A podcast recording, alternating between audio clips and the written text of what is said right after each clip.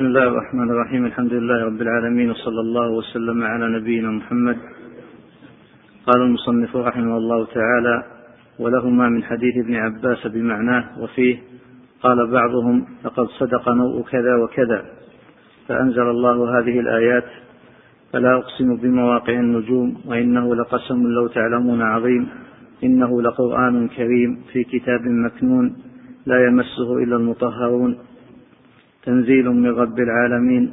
أفبهذا الحديث أنتم مدهنون وتجعلون رزقكم أنكم تكذبون. بسم الله الرحمن الرحيم. الحمد لله رب العالمين. صلى الله وسلم على نبينا محمد وعلى آله وأصحابه أجمعين. تتمة الباب ما جاء في التنجيم.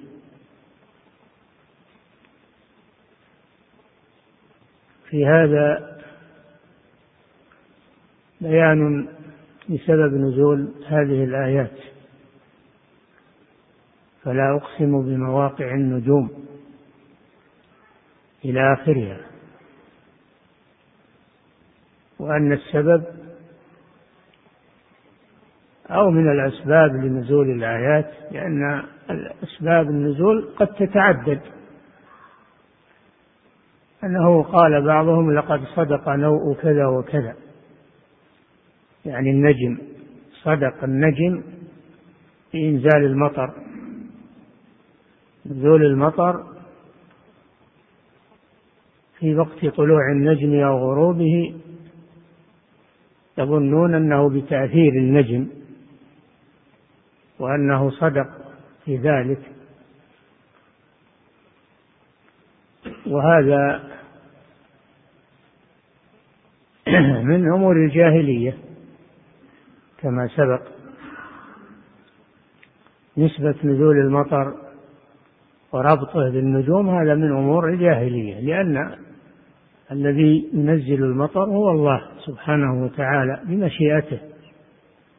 صرفه كيف يشاء ويحبسه إذا شاء. فهو بيد الله. وليس للنجوم ولا لغيرها تصرف في نزوله أو عدم نزوله. فأنزل الله هذه الآيات ردا على هذه المقالة وبيانا لبطلانها. قال تعالى فلا أقسم بمواقع النجوم. لا نافية أي ليس الأمر كما زعمتم. ثم أقسم أي حلف سبحانه وتعالى وهو الصادق. حلف بمواقع النجوم. مخلوقات والله يقسم من خلقه بما شاء. أما المخلوق فلا يقسم إلا بالله عز وجل. كما قال صلى الله عليه وسلم من كان حالفا فليحلف بالله أو ليصمت. من حلف بغير الله قد كفر أو أشرك كما في الحديث الصحيح. المخلوق لا يحلف إلا بالله أو صفة من صفاته. وأما الخالق جل وعلا فإنه يقسم بما شاء من خلقه. ولا يقسم إلا بشيء فيه سر وله حكمة لينبه عليه. مواقع النجوم كما سبق قيل المراد بها نجوم القرآن لأن القرآن نزل منجما على النبي صلى الله عليه وسلم مفرقا.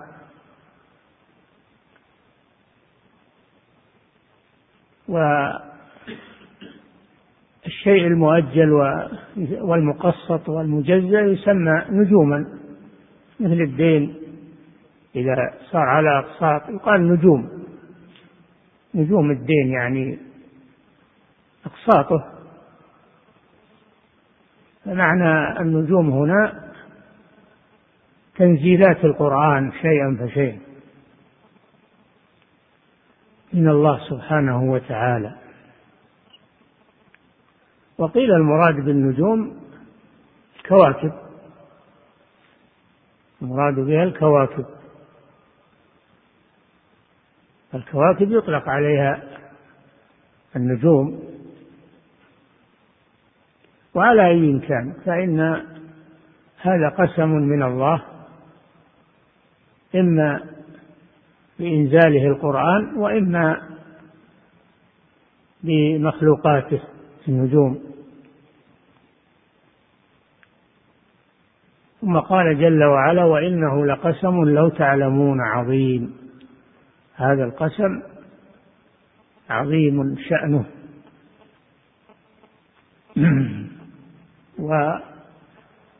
والمراد به فتنبهوا لو تعلمون عظيم. إنه لقرآن كريم. هذا الجواب جواب القسم. إنه لقرآن كريم. وهو كتاب الله سبحانه وتعالى.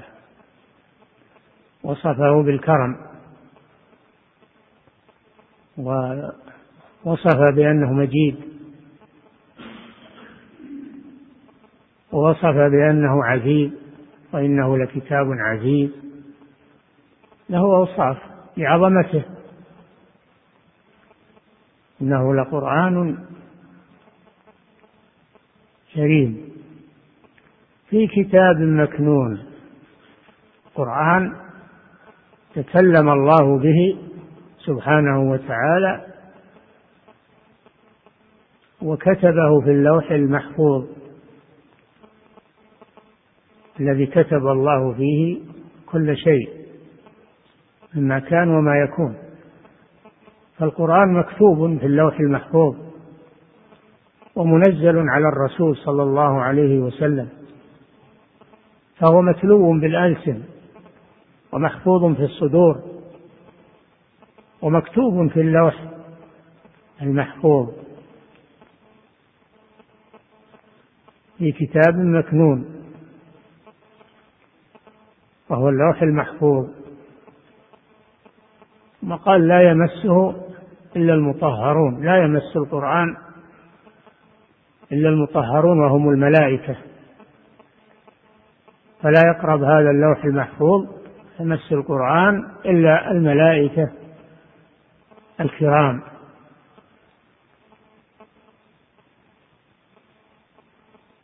لا تقربه الشياطين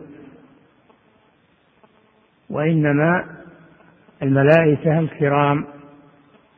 هم الذين يمسونه ويباشرونه بأمر الله سبحانه وتعالى. فليس المراد بالكتاب هنا المصحف المراد به اللوح المحفوظ. وأما أن المصحف لا يمسه إلا طاهر فهذا في الحديث. كما قال صلى الله عليه وسلم لا يمس القرآن إلا طاهر. ثم قال تنزيل من رب العالمين. القرآن تنزيل من رب العالمين. وصفه بأنه مكتوب في اللوح المحفوظ ووصفه بأنه تنزيل من رب العالمين. هذا فيه رد على الذين يقولون إن القرآن مخلوق. هو منزل غير مخلوق. تنزيل من رب العالمين وهو الله سبحانه وتعالى. ثم قال جل وعلا أفبهذا الحديث أنتم مدهنون؟ حديث يعني القرآن يسمى حديثا. يعني كلام الله سبحانه وتعالى من أصدق من الله حديثا.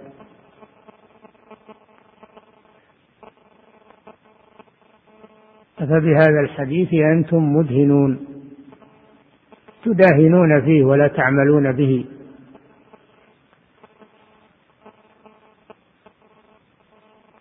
فلا يجوز التنازل عن شيء مما جاء في القرآن لإرضاء الناس أو مسايرتهم لا بد من العمل بالقرآن ولا تجوز المداهنة فيه. فمن عطل شيئا منه لأجل إرضاء الناس أو مسايرة الناس أو سياسة الناس كما يقولون فإنه من المدهنين في القرآن. فبهذا الحديث أنتم مدهنون لا تعملون به. وتجعلون رزقكم أنكم تكذبون. هذا محل الشاهد. تجعلون رزقكم أي المطر. إذا نزل أنكم تكذبون تنسبونه إلى غير الله تنسبونه إلى النجوم. هذا كذب. لأن النجوم ليس لها دخل في إنزال المطر وإنما إنزال المطر بيد الله سبحانه وتعالى. تجعلون رزقكم أنكم تكذبون. هذا محل الشاهد للباب. ففيه إبطال نسبة المطر إلى النجوم وأن هذا كذب وباطل. نعم. فيه مسائل. الأولى تفسير آية الواقعة. هذه الآيات نعم تفسير هذه الآيات وبيان المراد بها وأنها تدل على إبطال التنجيم. نعم. الثانية ذكر الأربع التي من أمر الجاهلية. كما قال صلى الله عليه وسلم أربع في أمتي من أمور الجاهلية لا يتركونهن. الطعن في الأنساب والفخر بالأحساب والاستسقاء بالنجوم والنياحة على الميت. فهذه توجد في بعض الناس وهي من أمور الجاهلية فيجب تركها. كل ما هو من أمور الجاهلية فإنه يجب تركه وابتعاد عنه. نعم. الثالثة ذكر الكفر في بعضها. نعم. أصبح من عبادي مؤمن بي وكافر. فالذي ينسب نزول المطر إلى النجوم كافر بالله عز وجل. كما قال الله أصبح من عبادي مؤمن بي وكافر. فأما من قال مقرنا بفضل الله ورحمته فذلك مؤمن بي كافر بالكوكب. وأما من قال مقرنا بنوء كذا وكذا فهذا كافر بي مؤمن بالكوكب. نعم. الرابعة أن من الكفر ما لا يخرج من الملة. لأن نسبة المطر إلى النجوم كفر كما وصفه النبي صلى الله عليه وسلم لكنه كفر أصغر لا يخرج من الملة إذا ظن أن أن النجوم سبب لنزول المطر. فهذا شرك كفر أصغر. لأنه نسب المطر إلى غير الله. وأما إن كان يعتقد أن النجوم هي التي تخلق المطر فهذا كفر أكبر. نعم. الخامسة قوله أصبح من عبادي مؤمن بي وكافر بسبب بسبب نزول النعمة. نعم أن نزول النعمة ابتلاء وامتحان. فمن الناس من يكفر بها ولا يشكرها ومنهم من يشكرها ويؤمن بها. فهي ابتلاء وامتحان ونبلوكم بالشر والخير فتنة. إلينا ترجعون. وكما أن الله يبتلي بالمصائب يبتلي بالنعم أيضا. نعم. السادسة التفطن للإيمان في هذا الموضع. نعم. تفطن للإيمان عند نزول المطر فلا ينسبه إلى غير الله سبحانه وتعالى. فإن نسبه إلى غير الله فهذا كفر. نعم. كفر نعمة. نعم. السابعة التفطن للكفر في هذا الموضع. نعم. الثامنة التفطن لقوله لقد صدق نوء كذا وكذا. نعم. أن هذه الكلمة أن هذه الكلمة كذب. قال الله جل وعلا وتجعلون رزقكم أنكم تكذبون. فمن قال صدق نوع كذا وكذا فإنه كاذب لأن النوى ليس له دخل في إنزال المطر. نعم. التاسعة إخراج العالم للمتعلم المسألة بالاستفهام عنها. لقوله أتدرون ماذا قال ربكم؟ هذه مسألة عظيمة في تعليم. إذا كان عن طريق السؤال والجواب فهو أبلغ. نعم. العاشرة وعيد النائحة. نعم. كما قال صلى الله عليه وسلم النائحة إذا لم تتب قبل موتها تقام يوم القيامة وعليها سربال من قطران ودرع من جرب والعياذ بالله. نعم. باب قول الله تعالى ومن الناس من يتخذ من دون الله أندادا يحبونهم كحب الله. يكفي. الله أعلم صلى الله وسلم على نبينا محمد.